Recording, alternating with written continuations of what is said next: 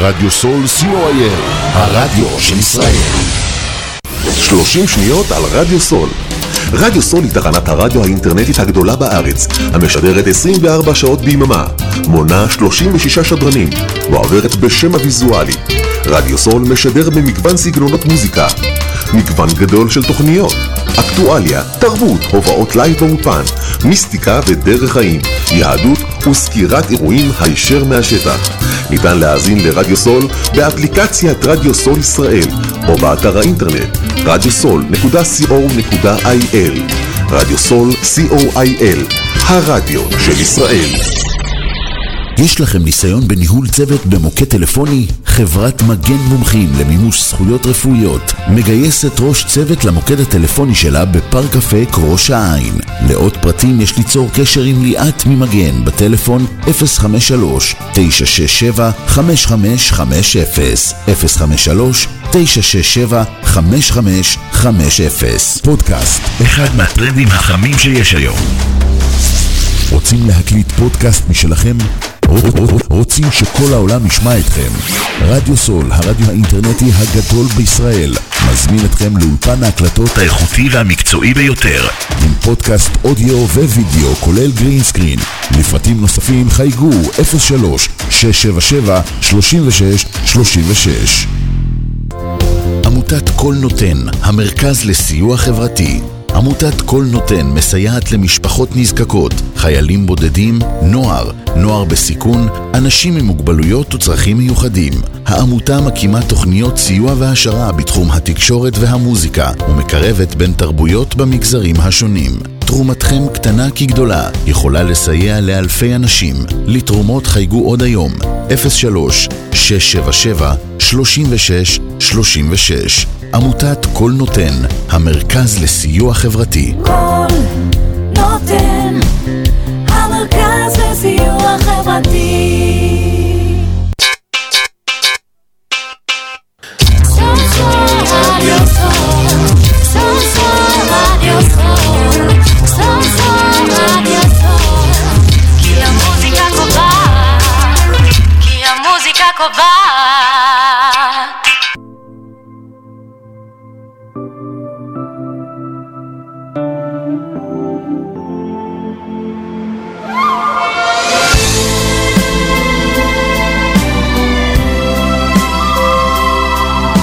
מאזינים לתוכנית מורשת יהודית וזהות ישראלית בהגשת בן שפט.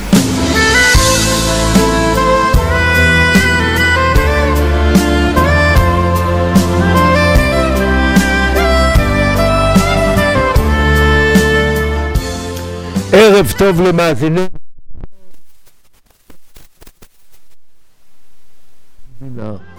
השעה ארבע ודקה, ואנו שוב באולפן שלוש. היום יום שני, י' אדר א', תשפ"ד, 19 לפברואר 24. ושוב בתוכנית מסורת יהודית וזהות ישראלית, מול המיקרופון בן שפט, תחקיר, עורך ומגיש, ועימי בשידור, שוקי הטכנאי. והערב נידרש לתוכנית השלישית, החד-חודשית, בסדרת התוכניות היהודים ששינו את העולם. והפעם על הנצרות. יהושע הלא הוא ישו, שאול התרסי הלא הוא פאולוס, שני היהודים ששינו בענק את העולם. נשוחח על שני היהודים מקימי הנצרות עם מנחם קלישר. מנחם קלישר הוא יהודי מאמין ביוש... ביהושע כמשיח ישראל וגואל העולם. משרת כרועה קהילה משיחית, קהילת ירושלים, בית גאולה. כמו כן, מורה לתנ"ך ובברית החדשה, נשוי לענת ואב לארבעה וסב לשמונה. ולפני שנצא לדרך, נשמע את אמיר עיון, רואים רחוק, רואים שקוף. אולי מנו קלישר ראה רחוק וגם שקוף.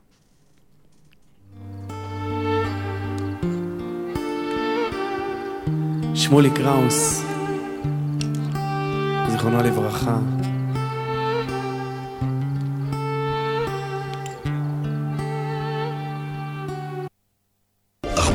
שנה אתה מחרטט אותנו. אנחנו נמות.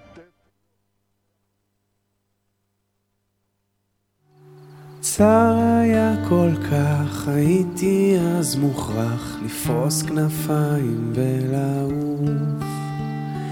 אל מקום שבו אולי כמו ארנבו רואים רחוק, רואים שקוף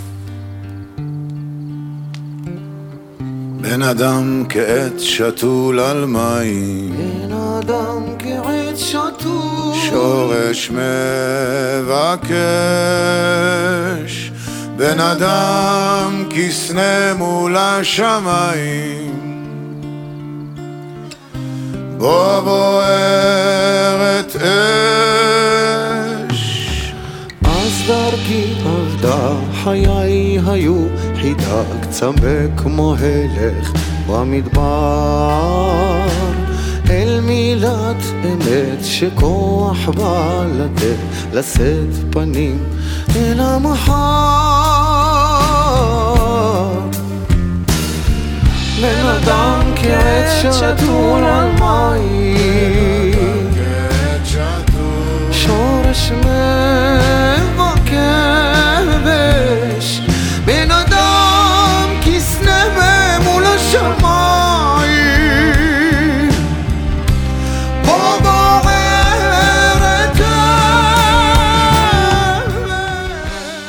מנחם קלישר רואה קהילה משיחית, קהילת ירושלים בית גאולה.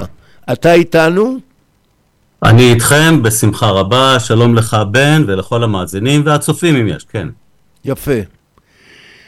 מנחם קלישר, ספר לנו בבקשה על תפקידך בקהילה שאתה הרועה שלה, וגם על הקהילה עצמה. וואו, זה תענוג רב, זה כמו לספר על הילדים שלך. אז אה, שמי קלישר מנחם, אני יהודי, בן לאב ניצול שואה, אה, שהגיע לארץ בסוף 1947, וגם לאם שעלתה מאיראן בעקבות רדיפות של אנשים שם, לא מעמנו, נגד היהודים שם. גדלתי בתוך בית של הורים שאוהבים את דבר אלוהים, את התנ"ך. וכן לימדו אותי לקרוא, לימדו אותי להקשיב, לימדו אותי להבין שמה שכתוב זה מה שקובע, וכל פרשנות נמדדת על סמך אמת הכתוב בכתובים. אז באמת מתוך זה גדלתי להכיר את ישוע, ישו, מה שנקרא בתוך עמנו ישו, את ישוע בתור המשיח המובטח מפי נביאי התנ"ך, המשיח היהודי. במהלך השנים ל- המשכתי ל- ללמוד את. תחום המקרא, אה, גם לתואר שלישי, וכרגע משרת כרועה קהילה, קהילת ירושלים בית גאולה, נמצאת בתלפיות בירושלים, קהילה בת כ-350 איש, ומרגיש ממש שאני עושה תכלית, תכלית אלוהים עבור חיי, ממש שמח. אז מתי מת- מתקיימות התפילות אצלכם? האספה הראשית מתקיימת ביום שבת בשעה עשר וחצי בבוקר, עד שעה רבע לאחת, משהו כזה, ואז אנשים עוד נשארים בבית הקהילה, אבל בכל יום, זה פתוח משעה שבע, יש פעילויות לילדי הקהילה, אה, בכל אה, קבוצות הגיל. זאת אומרת, בשישי ערב אין תפילה. נכון, זה יותר עניין ביתי, אנשים עושים בביתם. הבנו. נלך, נצא לדרך לנושא. תספר לנו בח, בבקשה היכן נולד ישו ומי היו הוריו. אה, ישוע המשיח נולד בבית לחם אפרתה, אה, מכיוון שלפי הבנתנו זה להגשים את הנבואות מהתנ"ך, מפי למשל אה, מיכה הנביא בפרק ה' בבית לחם אפרתה, ובאמת שם הוא נולד. הוא נולד למרים הבתולה, ולאביו הלא ביולוגי יוסף. הסיבה היא שמשיח להבנתנו, לאור הבנת המקרא, חייב להיות אלוהים הבן, ולכן אין בו חטא. הוא היה חייב לבוא דרך לידת בתולין, הפריה על ידי רוח הקודש, כדי לעקוף את החטא. לו היה נולד להורים רגילים, כמוני, כמוך וכן הלאה, כי אז גם היה נולד תחת קללת החטא, ולא יכול היה להוות משיח, קורבן כפרת החטאים לכלל אה, בחירי אלוהים. הוריו אה, נדדו מנצרת לבית לחם. אתה לגמרי צודק. Uh, בתקופה ההיא, השליט הרומי קבע uh, uh, צנזוס, זאת אומרת לספור, מפקד, לספור את כל האנשים, ובעקבות כך כל אדם היה חייב לחזור לאזור שבטו. ולכן ההורים, יוסף ומרים, הגיעו לבית לחם, כי הוא מיהודה, ובאמת כאן הוא נולד, כפי שהובטח בנבואות. יפה. היכן הסתובב יהושע ומה היה הרקע ההיסטורי החברתי בה היה חי? את 30 שנות חייו הראשונים בעיקר, כן? כמובן, בהתחלה כשהוא נולד ההורים ברחו למצרים בעקבות הרדיפה של הורדוס הגדול, אבל כשהם חזרו, חזרו בחזרה ל... לעיר, שם חיו, שזו הייתה עיר נצרת, ושם הוא גדל.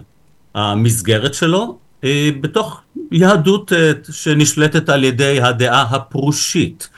בצפון, בגליל, היה פחות לחץ כזה, ובירושלים הרבה יותר.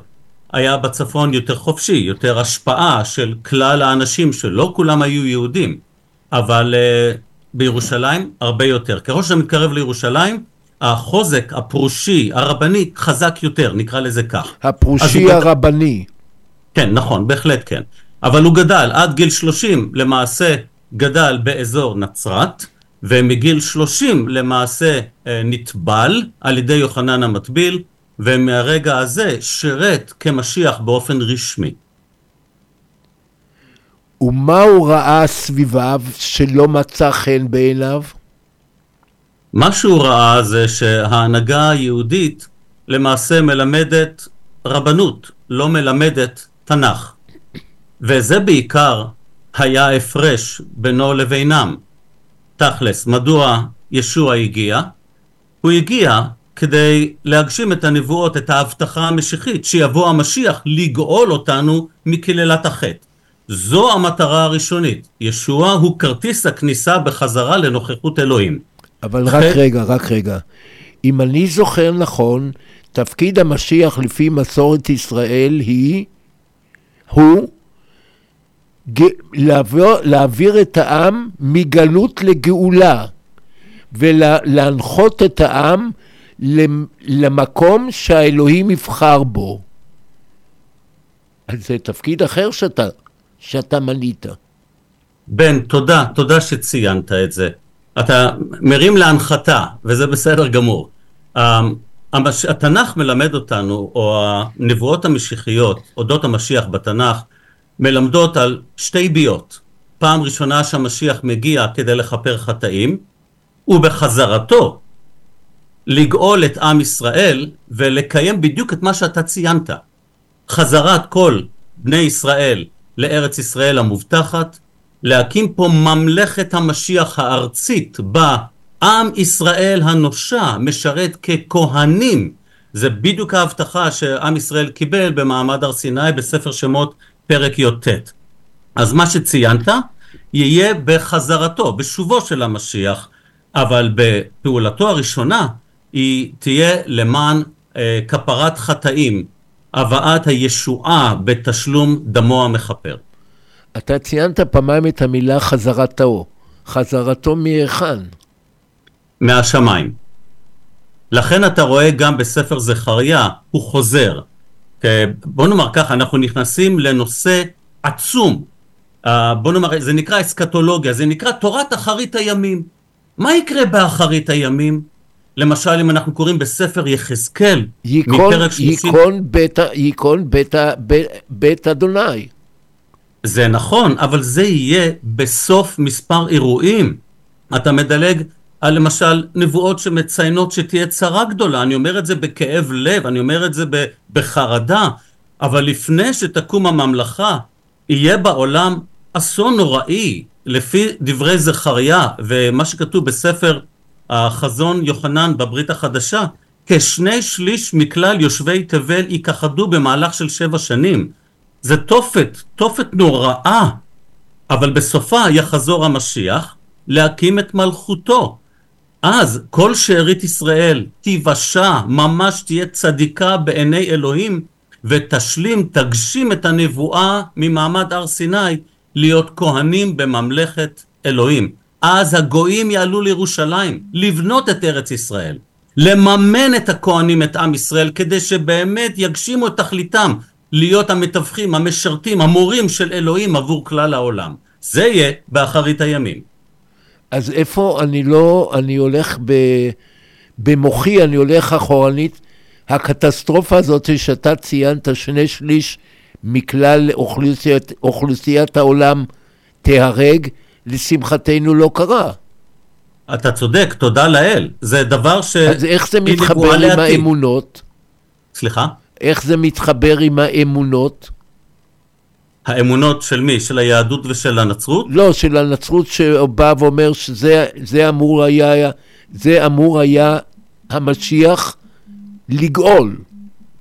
הוא לא בא לגאול אותנו ממלחמות עבר. התפקיד הראשוני של המשיח זה לגאול אותנו מקללת החטא. המתנה הכי גדולה שאלוהים יכול לתת לך זה סליחת חטאים. אלוהים מעולם לא הבטיח שאף פעם לא תהיה חולה וכן הלאה. זה יהיה רק כאשר נחיה בתקופה הנצחית. אבל עד אז המתנה הכי גדולה שאלוהים יכול לתת זה את ההבטחה שנהיה איתו. ההבטחה הזו גם ידעו הנביאים. אבל בשביל מחילת החטא אני לא צריך בשביל זה גורם שלישי. הרי אני יכול לומר וידוי בכל יום. היו, ה, לפי המסורת היהודית בימי שני וחמישי אומרים וידוי. אני כבר לא מדבר על יום כיפור.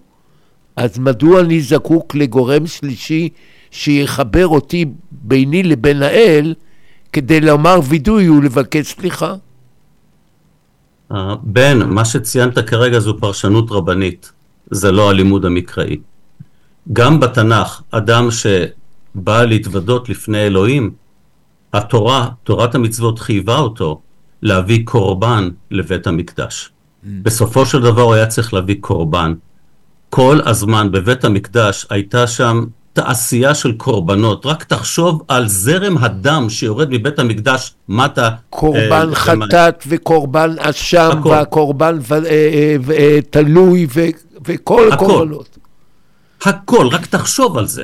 וזה, כל זה נועד לומר לאנשים, אלוהים מקבל את ההתוודות על חטא, אבל מישהו צריך לשלם על זה. והקורבנות הללו בבית המקדש היו תזכורת של החטא שלך גורם למוות. והכפרה היא באמת כך שמישהו אחר משלם בחייו. כל הקורבנות בבית המקדש היוו צל, סמל, של הקורבן האולטימטיבי הנצחי, וזה תפקידו של המשיח לאור הבנתנו את הכתובים. מנו קלישר, אתה בטח יודע שחז"ל הקימו את המפעל שנקרא תפילות לאחר חורבן בית שני, שכבר הקורבנות לא היו יכולות, לא, לא, לא, לא הלכו לפי סדר הקורבנות. באו התפילות במקום הקורבנות ואומרות וידוי.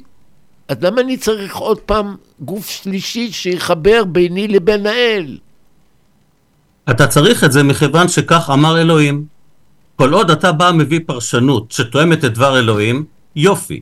כאשר אתה מביא פרשנות הנוגדת את להבנתנו את דבר אלוהים, אז הפרשנות שלך זה עניינך האישי, אבל לא תופסת בעיני אלוהים.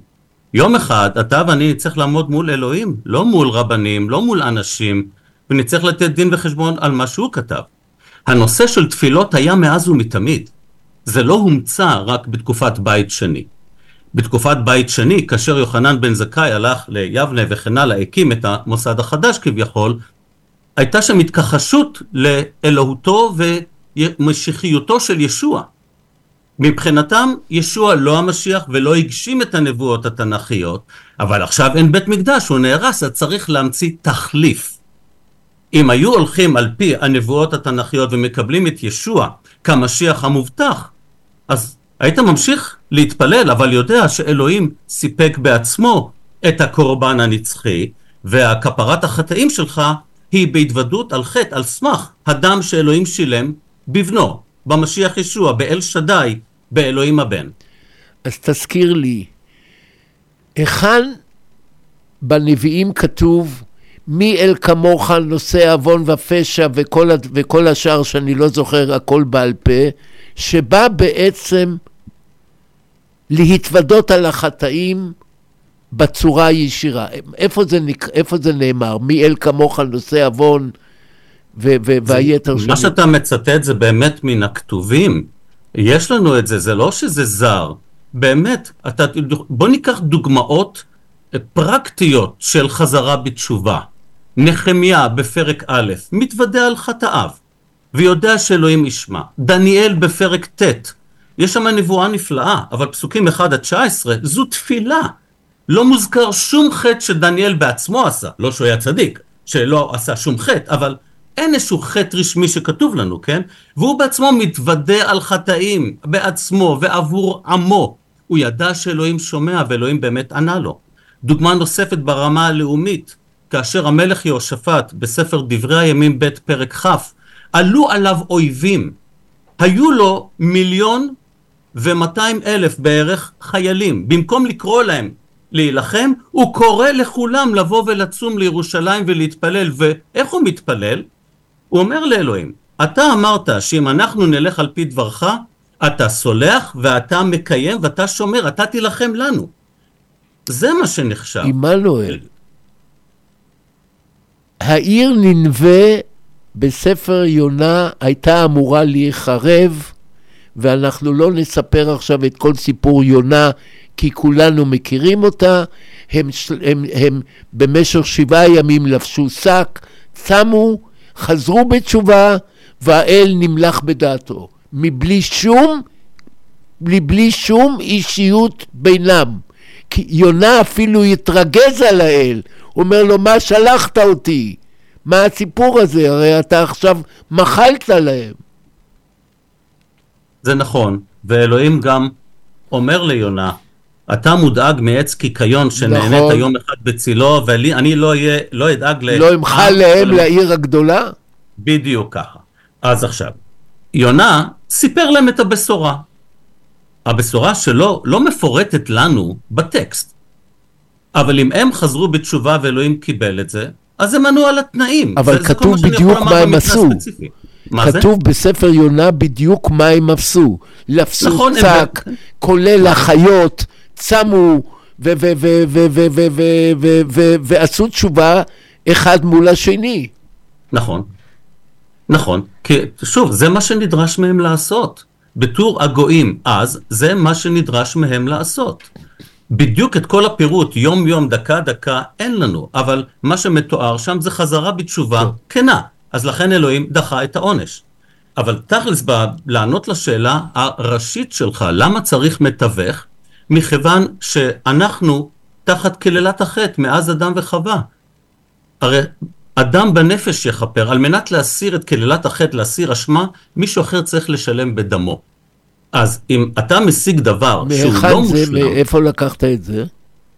מספר ויקרא פרק י"ז פסוק 11, שאומר, אדם בנפש יכפר. זאת אומרת, אנחנו גם רואים את העיקרון בספר בראשית פרק ג', כאשר אדם וחווה חטאו, התביישו מאלוהים, פחדו, הסתתרו, ואלוהים קורא להם, אייכה.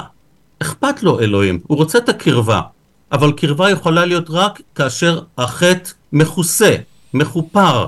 לכן הוא לקח חיה, הפשיט אותם מאורה וכיסה אותם, ללמדם חיים תמורת חיים. אנחנו נשמור על יחס בינינו אם החטא לא קיים בתוכנו או שאני מכפר עליו.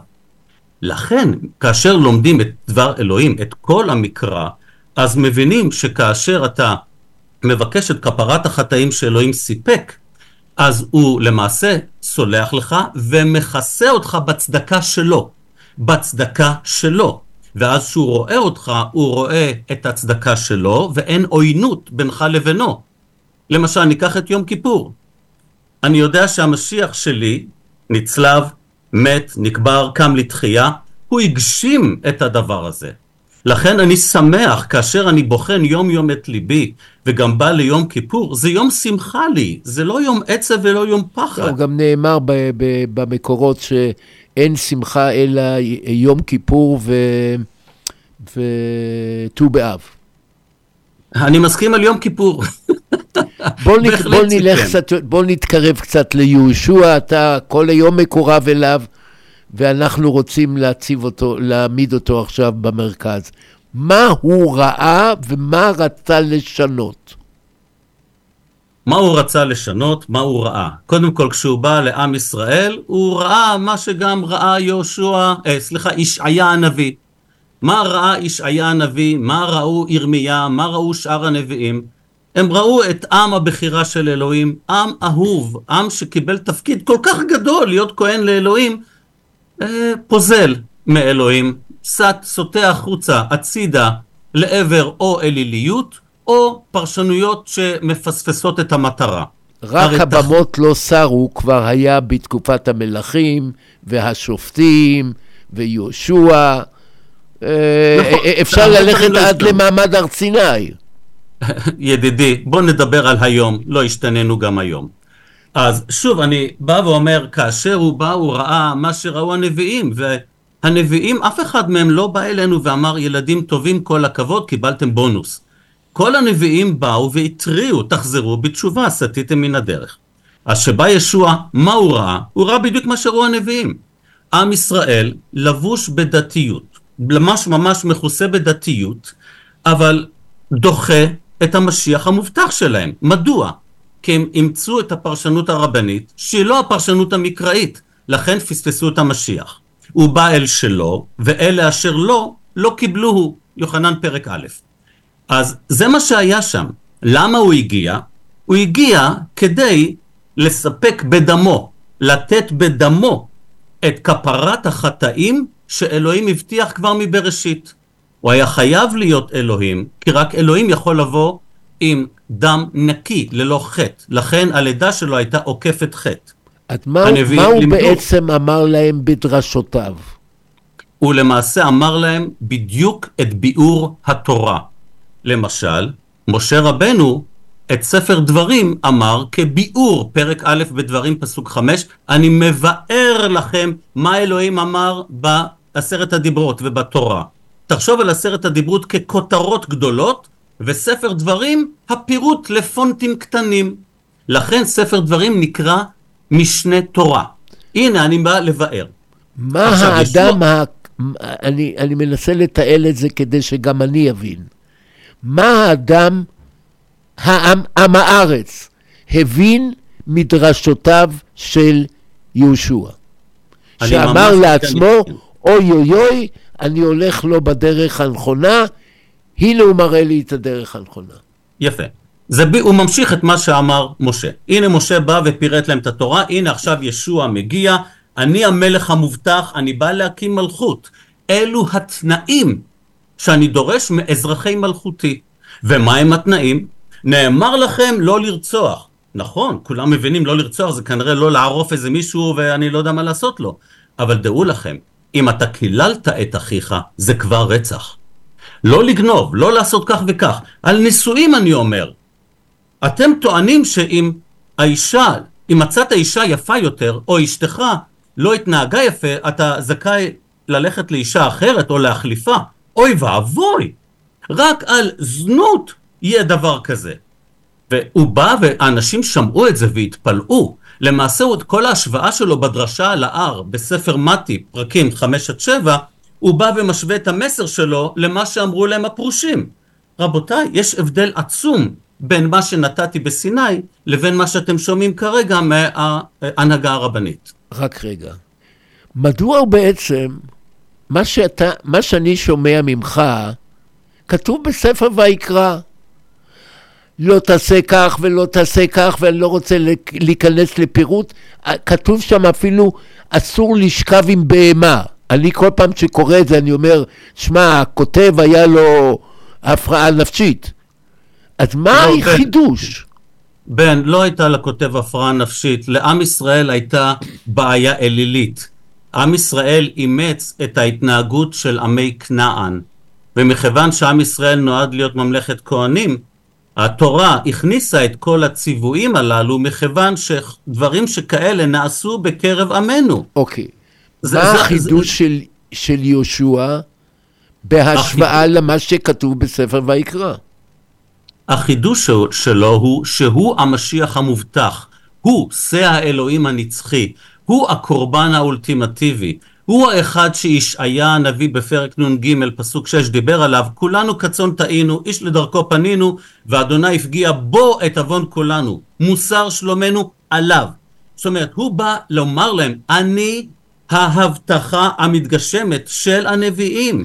אתם חיכיתם לגאולה, חיכיתם לתקווה, הנה היא עומדת מולכם. זה מה שהוא בא לעשות. מנו, אני קור... מקריא לך עכשיו מה שאני מקבל טקסט כרגע מאחד מהמאזינים.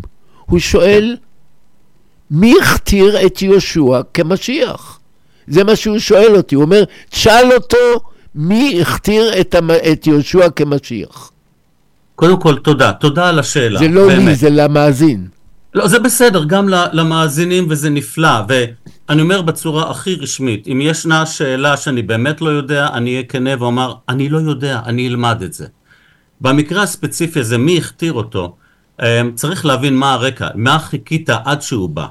כאשר קוראים את הנבואה המשיחית הראשונה בתנ"ך, זרע האישה יכה בראש הנחש, פרק ג' בפסוק 15 בראשית. הולכים להמשך הנבואות בבראשית 49 שהמשיח שילה יבוא משבט יהודה. ממשיכים הלאה מבית דוד, ממשיכים הלאה מבית לחם אפרתה, ממשיכים הלאה מלידת אה, הפריה על ידי רוח הקודש של בתולה, שאתה אוסף, נתתי רק חלק מהנבואות. כשאתה אוסף את כל הנבואות הללו, כולל הנבואה מדניאל פרק ט', שנותן את התאריך המדויק לצליבתו של המשיח, פסח 32 לספירה, אתה רואה שרק אישיות אחת בהיסטוריה היהודית הגשימה את זה. אז מי הכתיר אותו? הגשמת הנבואות הכתירה אותו. התקווה שלנו למשיח האמיתי שמגשים את הנבואות, זו ההכתרה שלו. כי אף אחד אחר לא יכול היה להגשים את זה. זאת זה אומרת, התשובה. הוא היה הראשון שראה את עצמו כמשיח. היו הרבה משיחי שקר.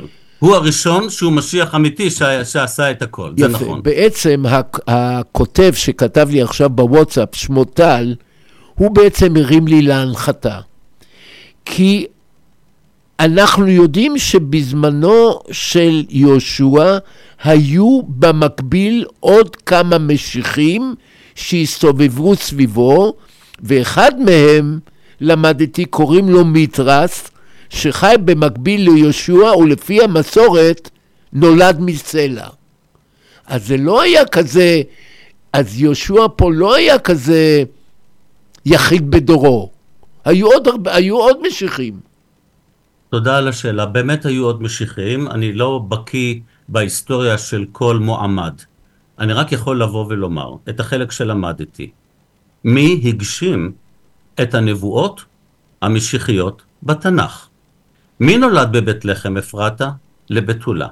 מי עשה ניסים והקים אנשים מן המתים?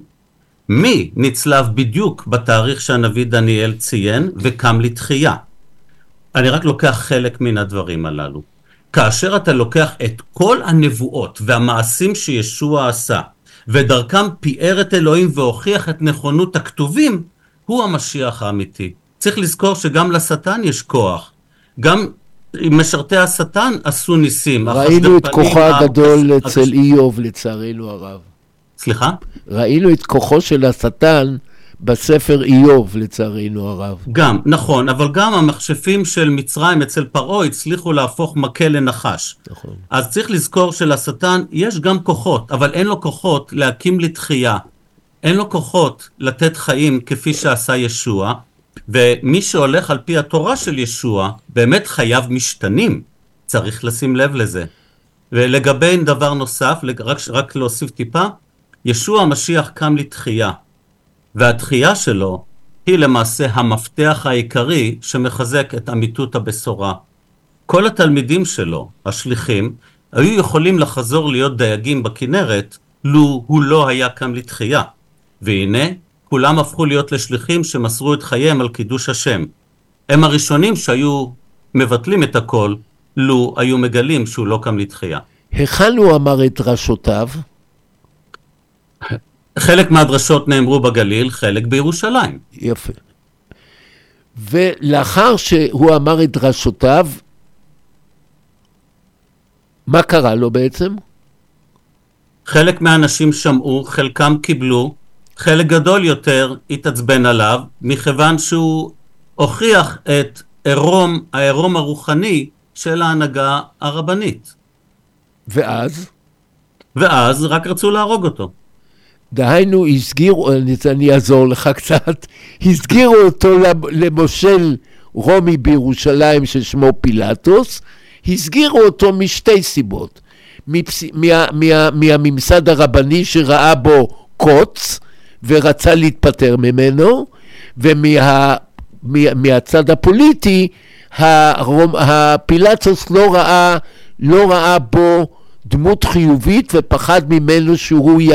יעשה מה שאנחנו אולי אומרים קודתה, אה, יהפוך, יביא לחוסר שקט. אתה לגמרי צודק, זה נכון.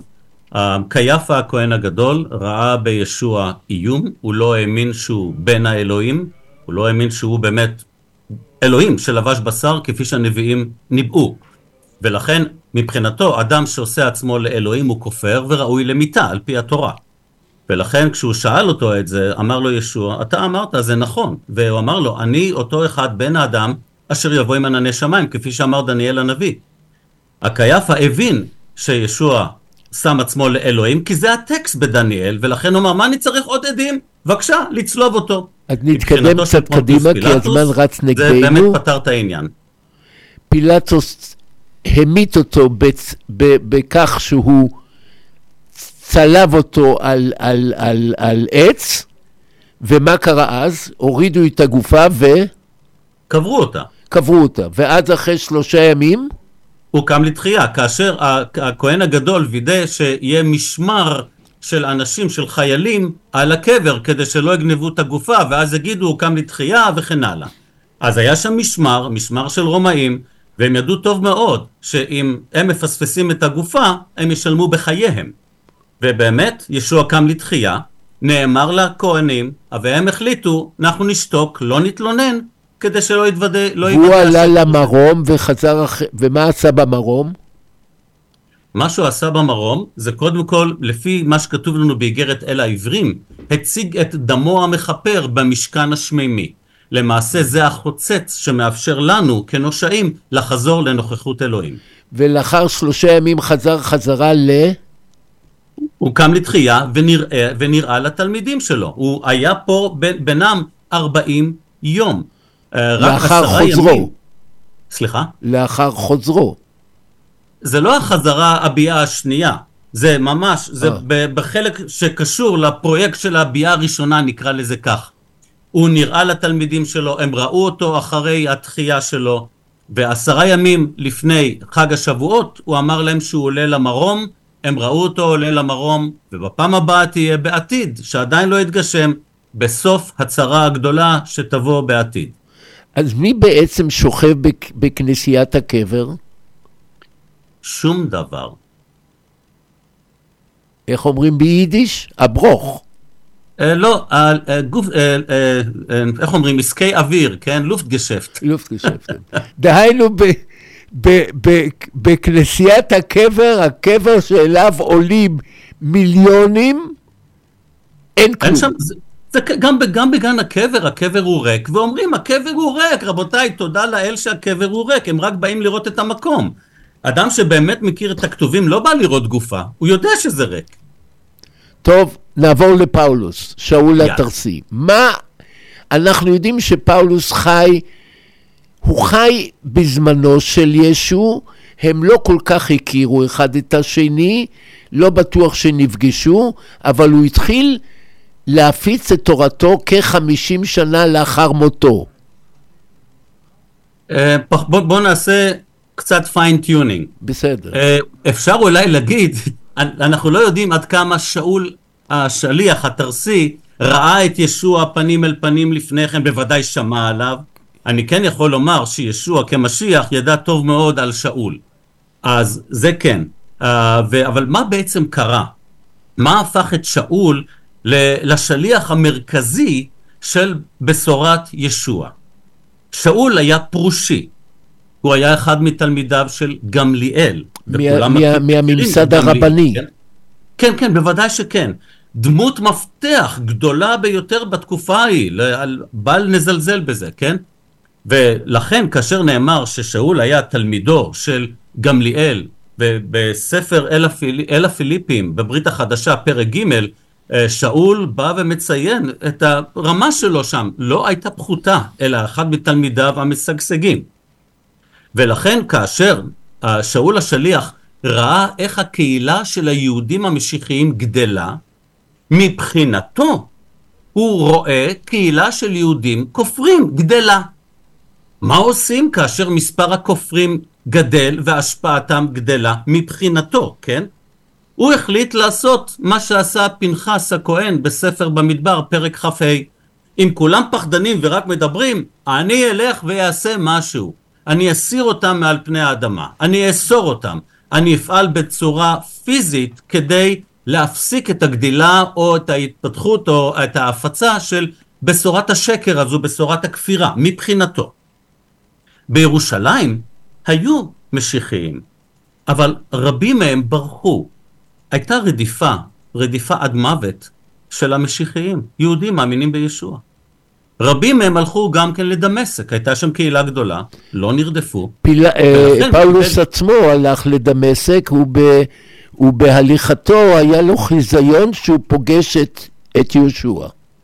בדיוק ככה, מעשה השליחים, ספר מעשה השליחים, פרק ט'. ושם, למעשה, תחשוב, זה היה השוק של החיים שלו. מבחינתו, ישוע זה כופר, ופתאום אותו אחד שנחשב לו כופר, מתגלה לו בהאדרה, בכבוד אלוהי. איך הרגיש שאול? ריבונו של עולם, איפה טעינו?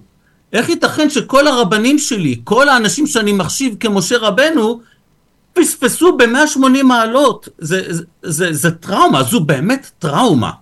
ולכן בעקבות זאת הוא הלך לערב, הלך למדבר במשך שלוש שנים כדי ללמוד מחדש את בראשית, שמות, ויקרא במדבר, דברים וכן הלאה, להבין בדיוק במילולי איך פספסנו את המשיח המובטח. ולמי הוא הפיץ את, ה... את, ה... את המחשבה החדשה? כאשר האדון ישוע המשיח נגלה לו, הוא אמר לו שהוא קרא לו להיות שליח אל הגויים. ולכן שאול הלך לקהילות, בתי כנסת, אה, באסיה הקטנה, באזורי רומא, מה שאנחנו, בטורקיה, רומא, יוון וכן הלאה. ושם הוא הלך, ובכל מקום שהוא הלך הוא חיפש בית כנסת.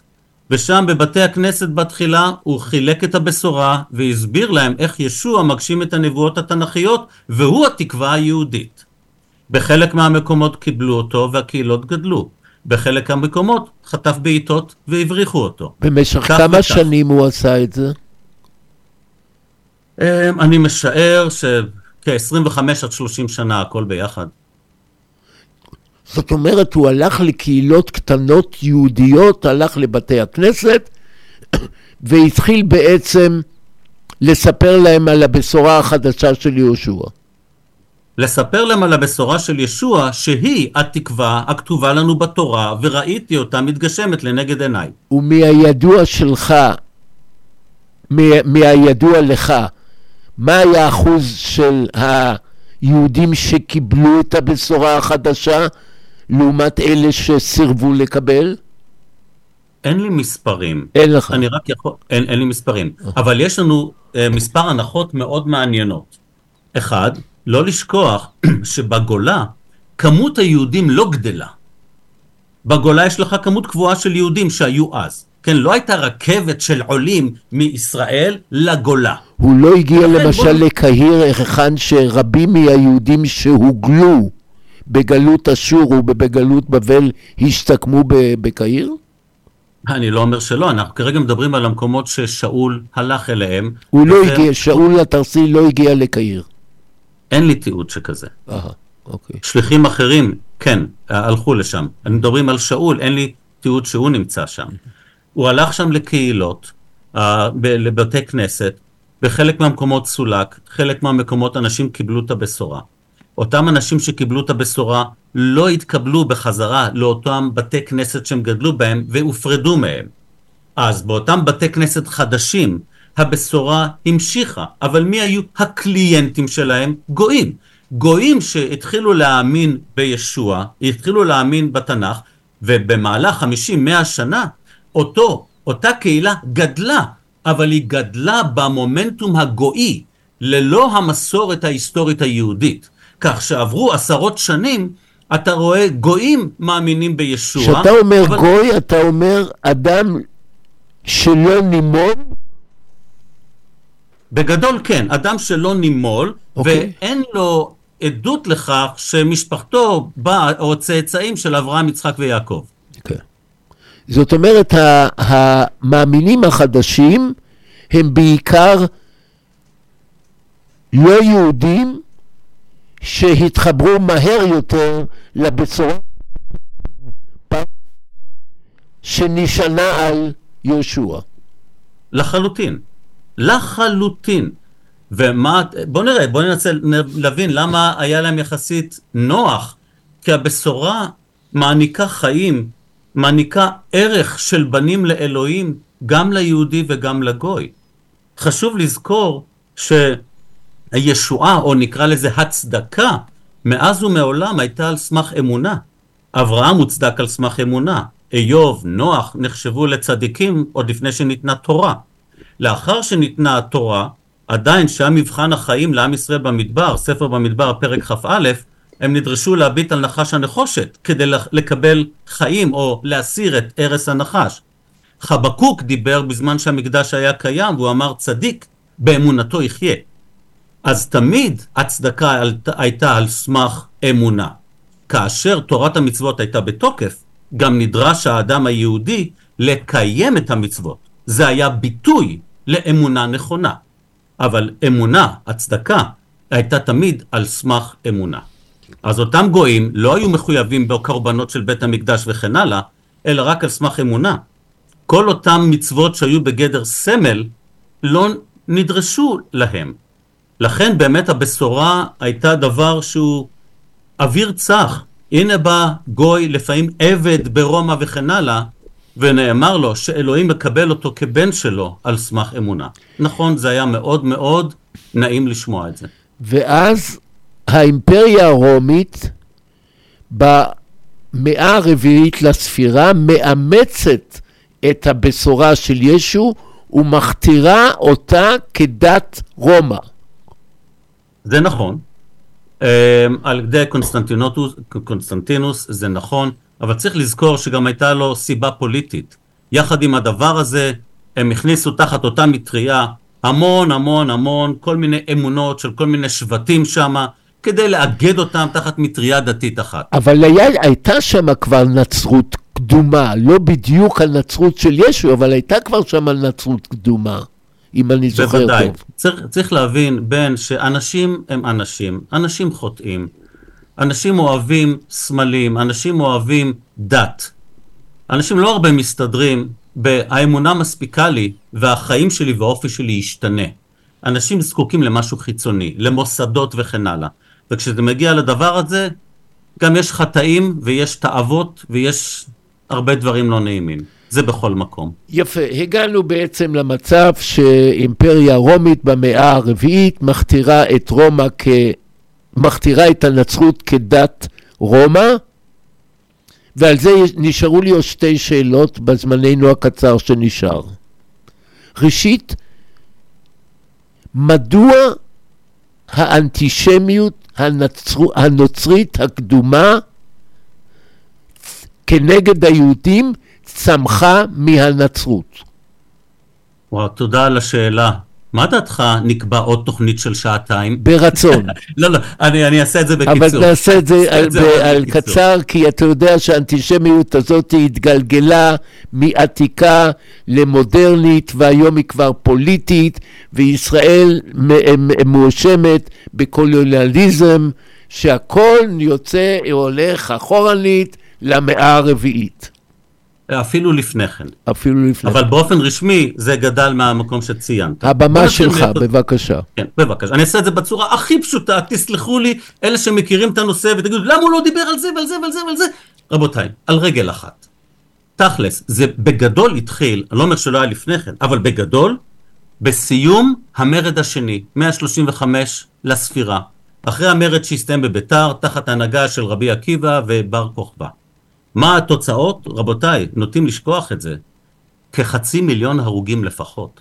חצי מיליון הרוגים!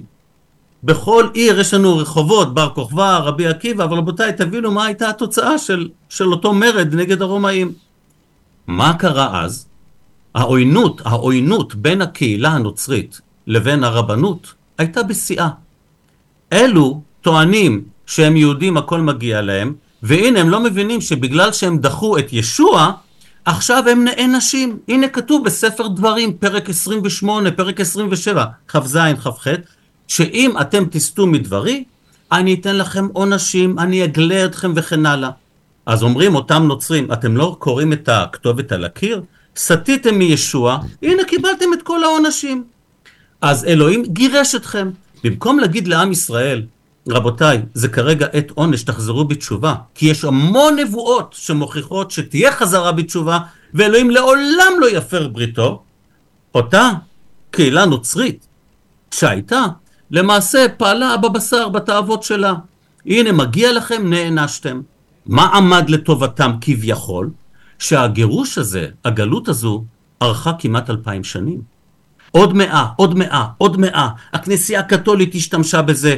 רבותיי, אתם כבר אלף שנים בגלות. לא נכנס לכם לראש אלוהים מתגרש מכם? עוד הלכנו לתקופתו של אה, מרטין לותר. הוא היה בהתחלה נחמד ליהודים, אבל כשלא שמעו לו, גם קבע בואו נשרוף אותם בבתי הכנסת. רבותיי, העובדה שהיינו בגלות כל כך הרבה זמן, עמד לטובתם עם ההגדרה שאלוהים מתגרש מעם ישראל, הוא החליף את עם ישראל בכנסייה הנוצרית, מעתה והלאה כל הברכות הכתובות על עם ישראל מגיעות לכנסייה, כל הקללות נשארות על ישראל. אז תשאל, מה עושים עם כל הנבואות הברורות המציינות את חזרתה בתשובה של ישראל לארצה וכן הלאה? מה הם עשו? הפכו את כל הפרשנות לאלגורית וסמלית. ישראל שווה קהילה, ירושלים זה משהו אחר, ציון זה משהו אחר. קרעו את התנ"ך, אנסו את הכתובות, את הפרשנות המילולית, כדי להתאים לטעות שלהם. והנה ב-1948, עם ישראל עדיין לא מקבל את ישוע, וחוזר לארצו, מקים את ארצו. נו, אז מה קורה למשוואה שלכם? נו, אני שואל אותך ותענה. לי בקצרה, כי זמננו תם. כן, אז בקיצור, כל הנושא של התיאולוגיה התחליפית היא מהפה של השטן, היא אנטישמיות לשמה, וכל מי שאוחז את זה היום רק מוכיח שהוא שונא את ישראל ולא נאמן לאמת המקראית. דוקטור מנו קלישר, שאלתי האחרונה והקצרה, מה היית רוצה שהמאזינים יזכרו משיחתנו הערב? בקצרה בבקשה. ממש בקצרה, תחזרו לכתוב, תקראו בדבר אלוהים, ומה שפשוט זה מה שאלוהים מתכוון. המשפט הראשון שלימדו אותי בבית הספר, If it makes sense, don't look for another sense. אם זה ברור, אל תחפש בירור אחר. רבותיי, תחזרו לדבר אלוהים החי. זה כל מה שאני יכול לומר. תודה, תודה, דוקטור מנו קלישר. נשתמע בקרוב, וכל... את עם ישראל, עם ישראל ינצח, עם ישראל חי. אמן כן יהי רצון. לסיום מאזינות ומאזינים, היום חזרנו לסדרת התוכנית החד-חודשית בנושא היהודים ששינו את העולם. והערב בשידור שלישי שפגש את הנצרות ומייסדיה.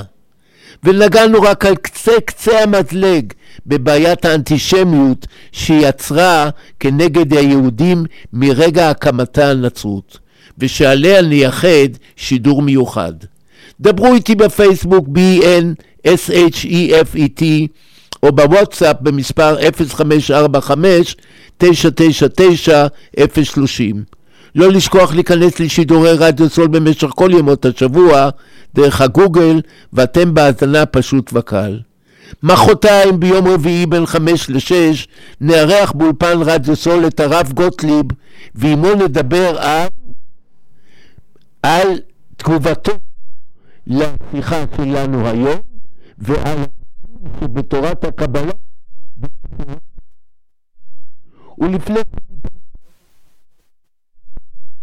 סופה אישית, סופה לאומית, סופה דעתית, אנחנו צריכים לעבור אותה ובהצלחה.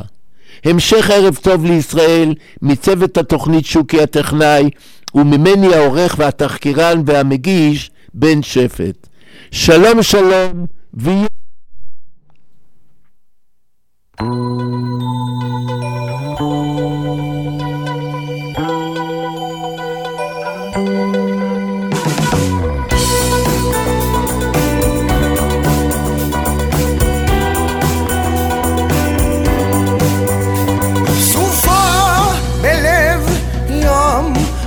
בטלטלה גדולה. המים חודרים אליה טובעת לאט, כולם קופצים בבהלה. איתך אני יודע איך לאהבתי אפילו שאני אני. איתך אני פשוט זוכר תמיד להיות כמו שאני. איתך אני יודע איך לא להרוג אותי כל פעם מחדש